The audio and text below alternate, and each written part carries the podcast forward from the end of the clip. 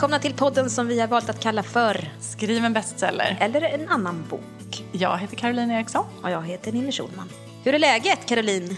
Var det Jo. hissen? Ja, var det hissen? Ehm, ja, men eh, så här är det nog den här veckan att min hiss är ju kanske inte i källaren, absolut inte i källaren, men kanske lite längre ner än vad den har varit de tidigare veckorna nu när vi har pratat. Och jag har ingen riktigt bra förklaring till det, utan det är väl bara så som det är, eh, så som jag fungerar. Det är lite snabba kast ibland känslomässigt.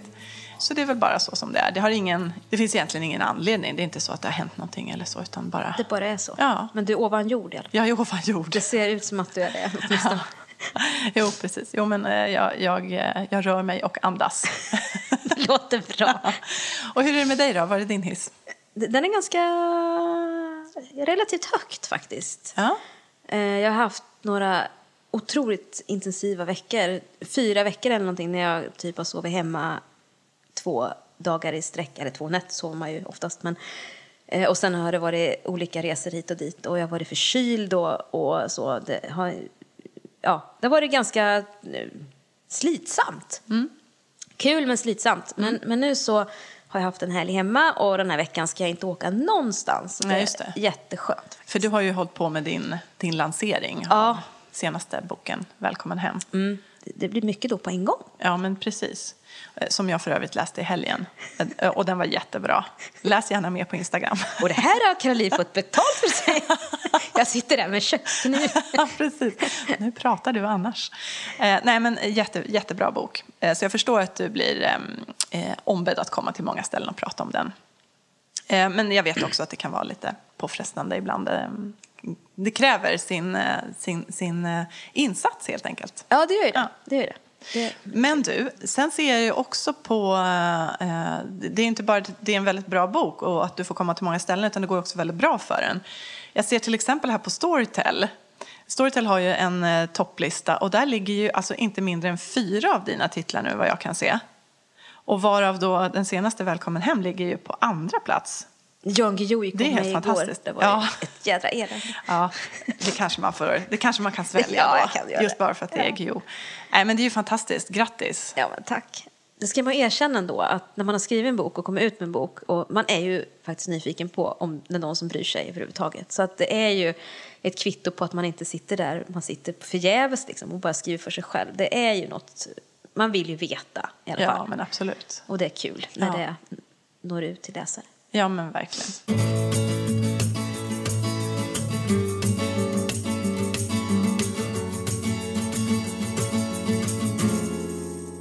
Idag ska vi gå in på, vi pratade om idéer som den första fasen och idag ska vi prata om, eh, börja prata om det här med att skapa sig själv förutsättningar. Skapa förutsättningar, ge sig själv förutsättningar för att kunna planera och genomföra ett, eh, ett så pass långt skrivprojekt som, som det ändå är att sätta ihop ett manus från A till Ö. Ska vi börja med en sån här förutsättning som man ju behöver för att skriva, det är ju det här med tid. Jag vill säga, det, den är ju väsentlig på väldigt många sätt. Hur har du gjort längs vägen för att skapa dig tid? Det har sett olika ut kan jag föreställa mig. Men jag, jag hade ju skrivardrömmen väldigt länge och jobba heltid som journalist. Och drömde om att skriva sådär när jag kom hem på kvällen. Men då var jag oftast väldigt, väldigt trött och sådär. Och tömd på ord. Mitt första steg, så här, genomtänkta steg för att få tid att skriva bok tog jag eh, jag minns inte vilket år det var, men, men det var under en period när jag jobbade som reporter på söndagsbilaga på Expressen. Eh, då jobbade jag måndag till fredag och hade ganska nyligen kommit tillbaka från föräldraledighet och sådär. Och då tog jag ett beslut att jag skulle börja jobba med webb istället. Det fanns två orsaker till det. Dels så behövde jag inte, jag skulle vara webbredaktör så jag skulle inte skriva så mycket på dagtid. Sen så ehm, fick jag, var det också skift. Så jag jobbade 5-4-5 schema vilket gjorde att jag fick eh, lite tid att skriva hemma på dagtid. Eh, det, det var inte helt gratis det här kan jag säga för jag hade mardrömslika arbetstider. Jag började 05 på morgonen och slutade klockan 15 på eftermiddagen. Man var Okej. ganska trött. Och då Men det skulle var... du sätta dig och skriva? Nej, inte just de dagarna. eh, För då hämtade jag på dagis Ah, och lagade. Mm. mat och, och stupa i säng. Men sen när jag hade mina lediga perioder, då kunde jag eh, skriva. Eh, så det var otroligt medvetet val eh, för mig att eh, gå från... Det var verkligen att skapa tid till mig själv. Mm. Hur gjorde du det första? Jag har ju precis som du och precis som så många andra föreställer mig alltid älskat att skriva och alltid haft den drömmen och, och alltid skrivit i olika form. Eh, Men sen under, under universitetstiden så upplevde jag väldigt mycket att det, den kvästes, den här, det här fria skrivandet. Utan då var det mer att man skulle skriva i en viss mall och det skulle vara akademiskt och det var formen som var viktigast och sådär. Skrivandet kom tillbaka till mig, det här fria, kreativa skrivandet kom tillbaka till mig faktiskt i samband med att jag eh, skaffade barn.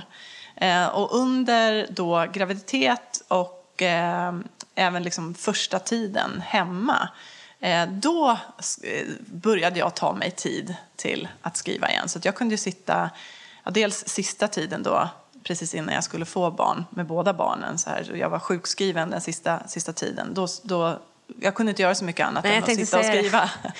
eh, och sen också att så fort mina barn, jag var inte den som sprang ute med eh, andra mammor eller umgicks med mammagrupper eller så. Utan eh, när mina barn sov så skrev jag. Mm, Och på det sättet så fick jag ihop två manus som blev refuserade. Eh, så att det hade jag ingen glädje av. Men eh, jo, jag hade glädje av det därför att jag naturligtvis jag lärde mig jättemycket på de där två manusen. Mm. Vad som funkade, vad som inte funkade.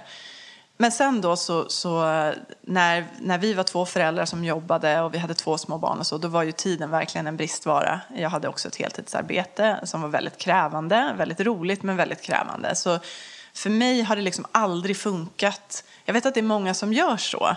Att man skriver kanske någon timme på morgonen innan familjen går upp eller på kvällen när alla har gått och lagt sig eller, eller så. Men jag, det fanns helt enkelt inte kraft i mig till det. Jag hade inte liksom någon ork över. Så det jag började göra sen när jag kände att, att eh, jag måste liksom tillbaka det här, jag, jag, jag vill verkligen, jag behöver det här skrivandet. Då eh, gick jag ner i arbetstid till att börja med. Mm. Så att jag, och inte då att jag liksom hyvlade rakt över lite hade varje dag. dagar då? Jag hade lediga dagar, Ja. ja. Och eh, att jag under de dagarna då, Mm. de var liksom dedikerade till att sitta och, och skriva.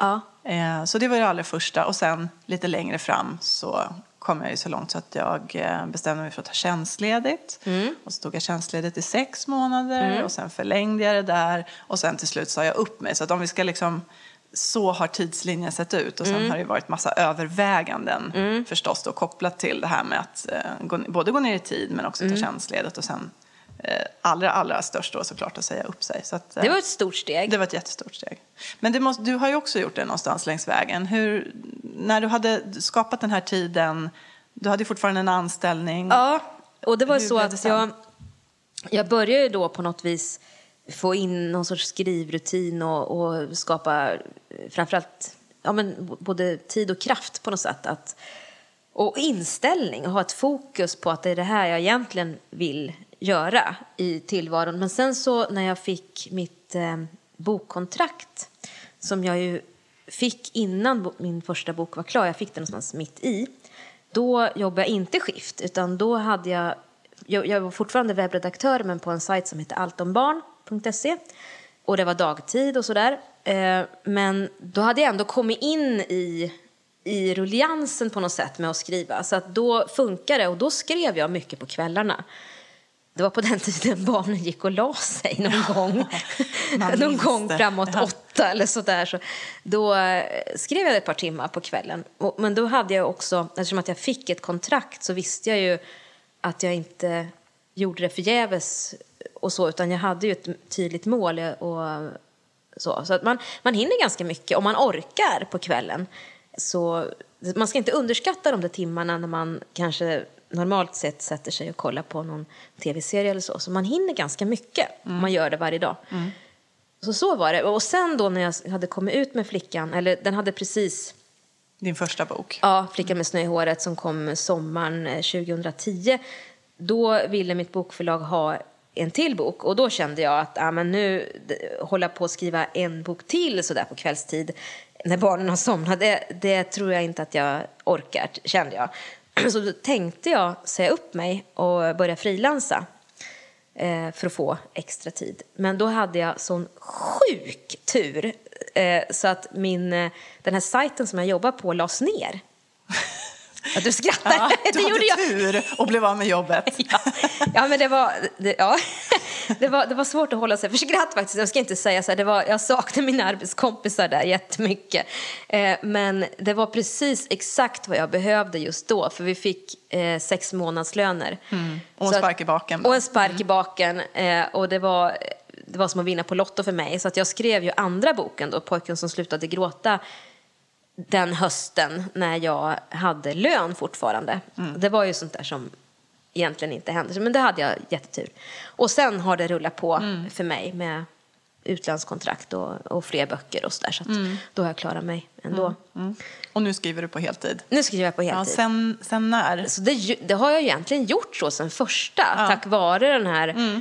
lyckosparken jag fick i rumpan Ja, där. precis. Eh, så, så har jag ju faktiskt skrivit då på heltid sen dess. Det är sex år sedan nu då. Ja, härligt.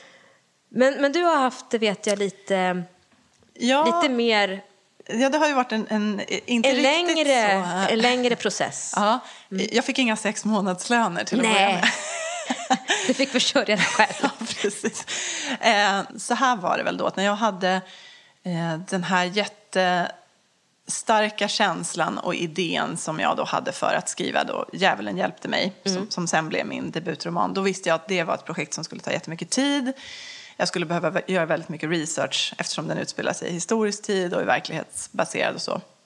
Jag började skriva den som sagt när jag hade gått ner på deltid men jag kände att jag behöver mer tid och jag behöver eh, jag, jag ville liksom ge mig själv chansen att se om de här skrivdrömmarna som jag hade om, om, jag verkligen, om, de verkligen, om det fanns någon substans i dem en gång för alla och då tänkte jag till slut att eh, om jag ger mig själv sex månader, om jag får tjänstledigt i sex månader och tar den tiden till att skriva eh, då kommer jag ju att veta sen eh, om det funkade eller inte. Alltså fick jag ur mig någonting eller så? Och fick jag inte det, då kunde jag liksom, tänkte jag då, då kan jag gå tillbaka till jobbet för då vet jag att det där med att skriva det var liksom bara en sån där dröm eh, som egentligen inte var någonting mer än en, eh, en sån där önskedröm som man kan ju ha som inte ligger så mycket bakom. Så jag tänkte att antingen blir det så eller så blir det så att jag faktiskt får ur mig någonting och, eh, och då är det på riktigt. Eh, och då fick jag ju. Jag fick ju ur mig det här manuset. Eh, jag förlängde min tjänstledighet eh, så att jag var uppe i ett år då. Och i samband med att jag skulle behöva ta det här beslutet då, när det var skarpt läge, eh, säga upp mig eller gå tillbaka, för jag kunde ju inte få ännu mer förlängt tjänstledigt då. Eh, precis i samband med det så, så blev ju Djävulen hjälpte mig, alltså an, manuset blev då antaget.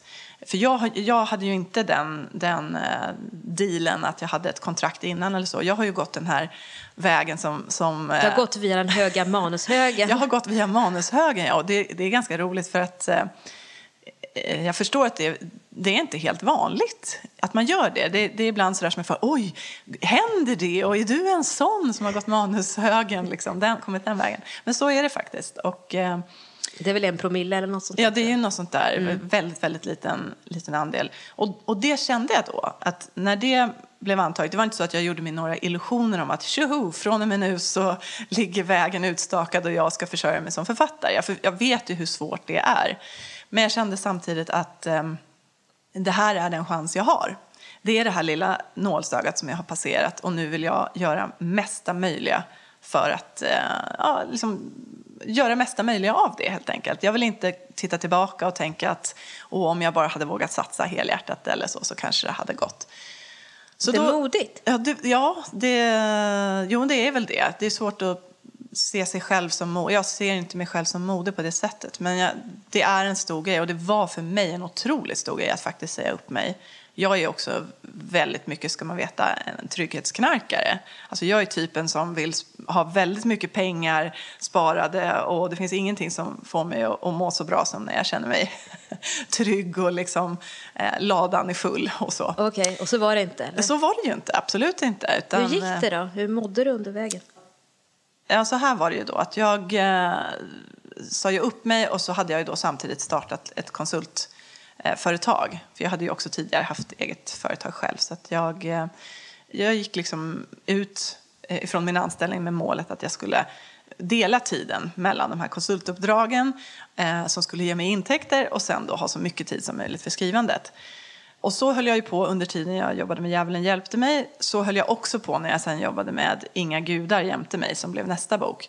Men längs vägen där så, så märkte jag ju hur jag allt mer började prioritera bort min verksamhet och min försörjning, liksom intäkterna mm. från de här konsultuppdragen till förmån för skrivande. För jag, mm. jag kände mer och mer att jag vill inte längre göra det som, som är då min, min eh, verksamhet i det här företaget utan jag vill ju verkligen satsa fullt på skrivandet. Men det innebar ju att jag eh, inte drog in tillräckligt mycket pengar för att känna mig då så här trygg och nöjd och glad som, som jag vill kunna göra. Mm. Speciellt inte när jag liksom hade familj, små barn, vi köpte hus i den här vevan och allting sånt. Och därför så för det, nu kommer vi in lite grann på det här med ekonomi också. Ja, som är en viktig... Det hör ju ihop. Det Tid ihop. och pengar hör ju oftast ihop. Ja, det gör det. Och det mm. blir liksom att man har kanske mer av den ena varan än den andra mm. ibland. och så. De, mm. För mig var det ju verkligen så under den tiden att jag började skapa mig väldigt mycket tid för att skriva. Men pengarna eh, kom ju inte in på, i samma takt som, som jag skulle behöva för att, för, för att faktiskt försörja mig. Och det kändes jättejobbigt. Eh, en förutsättning för att jag ens kunde välja att satsa så mycket tid på skrivandet trots att det inte kom in några pengar. Mm. Eller inte några, det kom ju in pengar men inte tillräckligt mycket för att jag skulle kunna stå liksom, på egna ben och säga att jag har, tjänar motsvarande en, en lön. Nej. Eh, så en förutsättning var ju att jag liksom är gift. eh, och att min man då, eh, att vi var två helt enkelt mm. om, om försörjningsansvaret. Mm. Det är ju ett ganska stort steg. Mm att, för jag är också sådär, jag vill klara mig själv, ja. jag vill liksom, jag ska inte vara beroende av någon. Att, att göra sig beroende av någon är ganska modigt också. Ja, eller dumt. Alltså, jag vet inte. Det, det, är ju liksom, jag hade, det var kanske det allra jobbigaste för mig. Mm. För jag har ju också, förutom de här principerna om, om trygghet och så, och, och, att stoppa ladan full, så har jag också väldigt mycket principer kring det här med att vara självständig och liksom den här feministiska grundinställningen. Att ja, det är jätteviktigt för mig. Ja, verkligen. Mm. Och det fick ju verkligen stryka på foten då under den där tiden. Och det gick hårt åt mig. Jag tyckte det var jättejobbigt. Själva anledningen till att jag överhuvudtaget gjorde det var ju för att jag hoppades och trodde på att det skulle kunna ge resultat någonstans i framtiden. Mm. Det var ju det som var mm. förhoppningen hela mm. tiden. Mm. Det var inte så att jag tänkte att så här ska jag leva, ha det hela livet. Nej. För det skulle jag aldrig kunna göra. Liksom. Men under någon period där jag kände att ja, men jag, jag försöker bygga upp någonting här. Mm. Ja, och sen då att min man har ju alltid varit väldigt stöttande Eh, gentemot mig och, han, och gentemot skrivandet. Och tyckt att, alltså han har stöttat varje steg jag har tagit mm. här, både förstås då när det mm. gäller tjänstledighet och säga upp mig och så. Mm. Och han har inte gjort det för att, bara för att han eh, tycker om mig och vill vara snäll ungefär, utan, eh, vilket han ju också gör naturligtvis. Men mm. han har också hela tiden trott på mitt skrivande. Alltså han har sett det som, som en, en investering. Det låter helt galet. Ja, lilla älskling kan inte bo Ja, men, men det är väl herregud bättre än att han skulle bara sitta nu och skriva dina dikter och så ja. försörjer jag oss här. Ja. Utan han verkligen såg han trodde på att det här skulle ja. ge någonting ja, ja. rent kommersiellt. åt honom, men, nej, men det är väldigt fint faktiskt tycker jag. För det, jag det är väl en jättekomplimang? Ja, ja det är det faktiskt. Att han, han är ju en läsande person, han läser ju jättemycket. Och att, ekonom. Och ekonom, Precis. Men så att han, och jag vet att han, jag kan lita på hans eh, synpunkter på det jag skriver. Så han skulle inte säga att gud vad bra det är om han inte tyckte det. Men han har alltid tyckt att jag har någonting och trott att jo men förr eller senare liksom, det, här kommer att, det här kommer att bli något. Mm. Ja, det, det, har ju varit en, en, viktig förutsättning. Men som sagt, jag tyckte det var jättejobbigt under, under uh, stora delar av den här perioden. Och jag har varit så nära att liksom säga att nej, nu skiter jag i det här. Jag uh, eh, sätter igång, jag har ju liksom, ja, men satt igång med, med konsultverksamheten igen, tittat på andra jobb. Mm. Eh, så att, och, och det gjorde jag ju så, så, så, tidigt som bara, eller så sent som bara några månader innan De försvunna släpptes. Det hade kunnat se helt annorlunda ut för mig om inte det som hände med De försvunna hade hänt. Det är de pengarna jag lever på nu. Mm. Det är därför jag kan säga att jag försörjer mig på att vara författare. Det är de pengarna. Och de räcker ju inte för evigt, utan det är några år.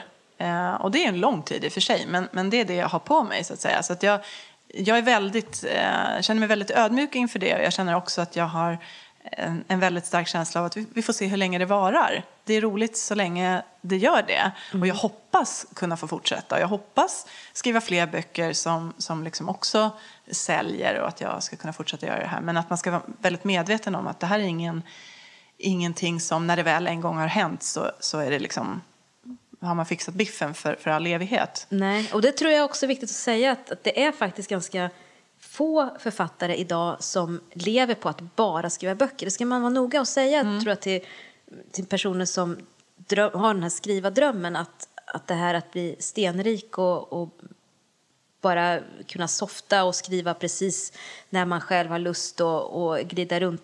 Det är ett liv som existerar för otroligt få. De flesta författare idag de, de har ju andra jobb vid sidan om och försörjer sig på skriva kröniker och föreläsa ganska mycket mm. och sådär. Så det, det är en tuff bransch. Ja, det är det verkligen. Och man ska ju inte ha pengarna som...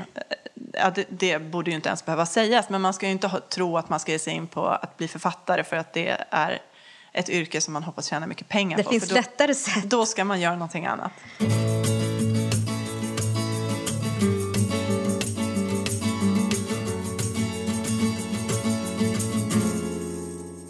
Vi har ju en sponsor Precis. som vi gillar mycket, Hedlund Agency.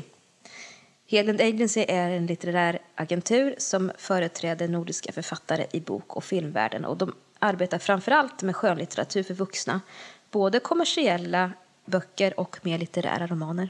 Och eh, den där rösten som sticker ut, det som är välskrivet och väcker nyfikenhet och gärna ruskar om, det är vad Hedlund Agency går igång på. Och om du tror att du har ett manus som motsvarar de förväntningarna, då är du välkommen att skicka det till dem. Och du hittar mejladresserna på hemsidan. Och Hedlunds arbetar både med etablerade författare och debutanter och brinner alltid för böckerna som de tar sig an. Och som författare så får du både branschkunskap och stöd och en möjlighet att nå ut i den vida världen.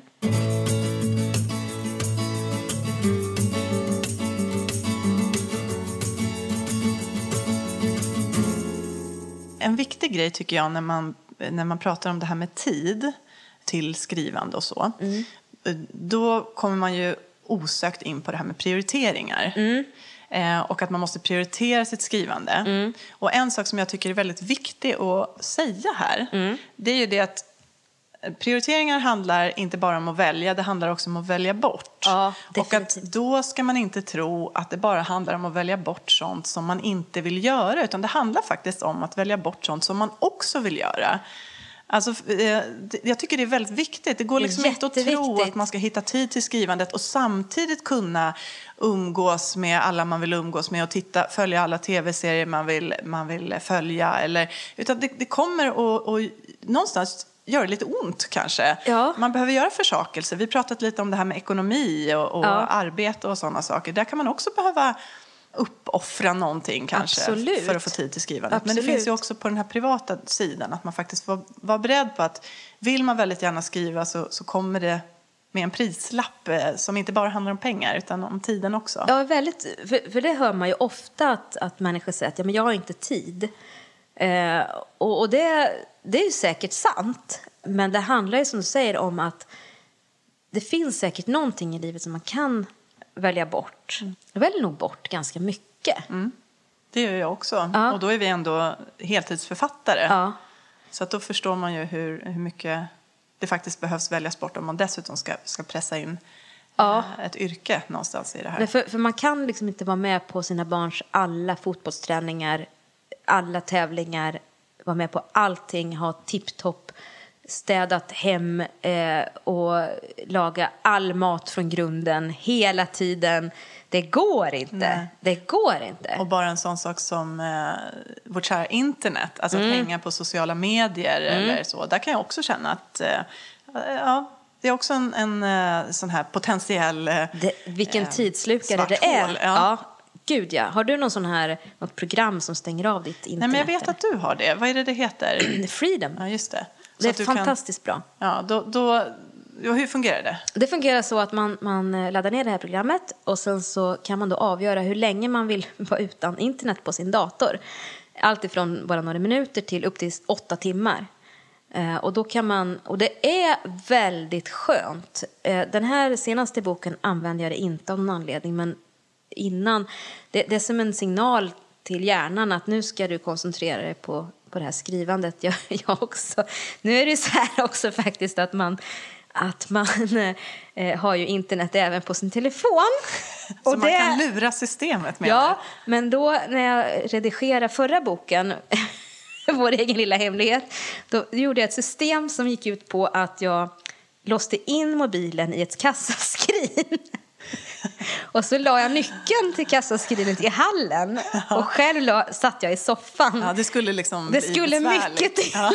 för mig att gå först i hallen, hämta nyckeln, låsa upp. Liksom. Så det blir inte det här att man bara tar mobilen och börjar trycka runt helt, helt måfå. Nej. Eh, och, och jag kan säga att det gav mig jättemycket tid. Mm. Eh, för det var en mental grej att ja, nu lägger jag den här mobilen i skrinet och så sätter jag mig. Ja.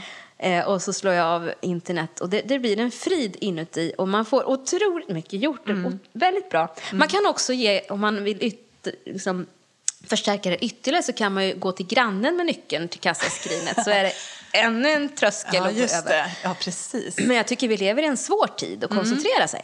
Det måste jag säga. Ja, för det, väldigt, det finns ju väldigt mycket distraktioner runt Mm. om en. Men det där är ju jätte... Man får ju hitta sina såna där äh, tricks. Ja. Har du Eh, något bra tricks? Nej, men vi har ju testat faktiskt båda två eh, den här Pomodoro-metoden. Mm, eh, som går ut på att man eh, ställer en äggklocka eh, på 25 minuter. Och så ska man göra ingenting annat, bara skriva i 25 minuter.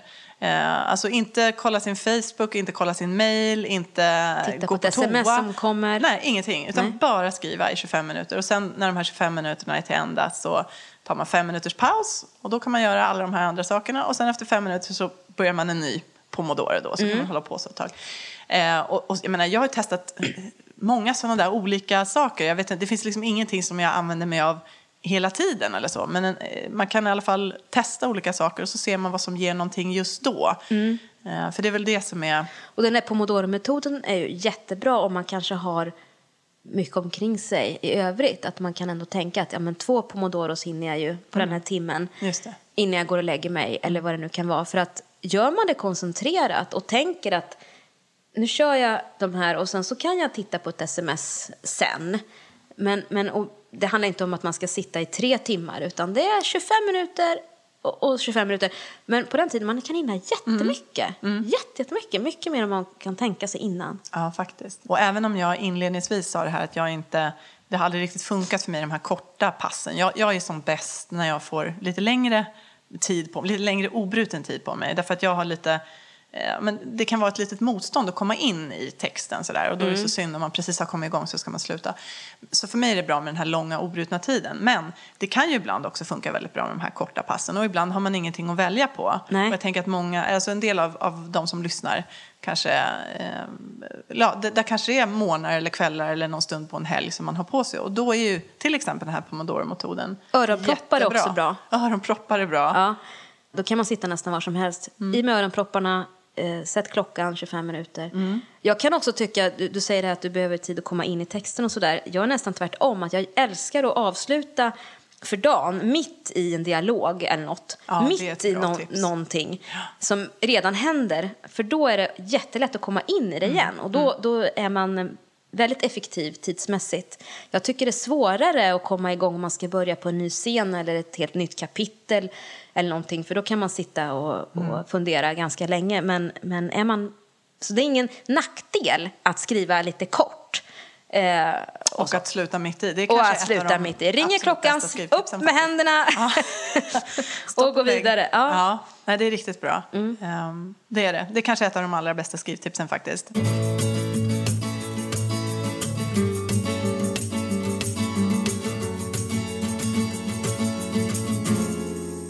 Vi vill ju gärna ha kontakt med er som lyssnar. Lättaste sättet för er att nå oss är via vår Facebook-sida som heter, precis som den här podden, Skriv en bestseller eller en annan bok.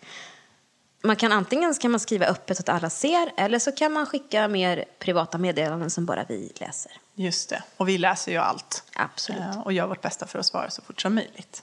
Sen har vi ju också Instagram båda två. Där vi är kanske mer aktiva än på, på Facebook.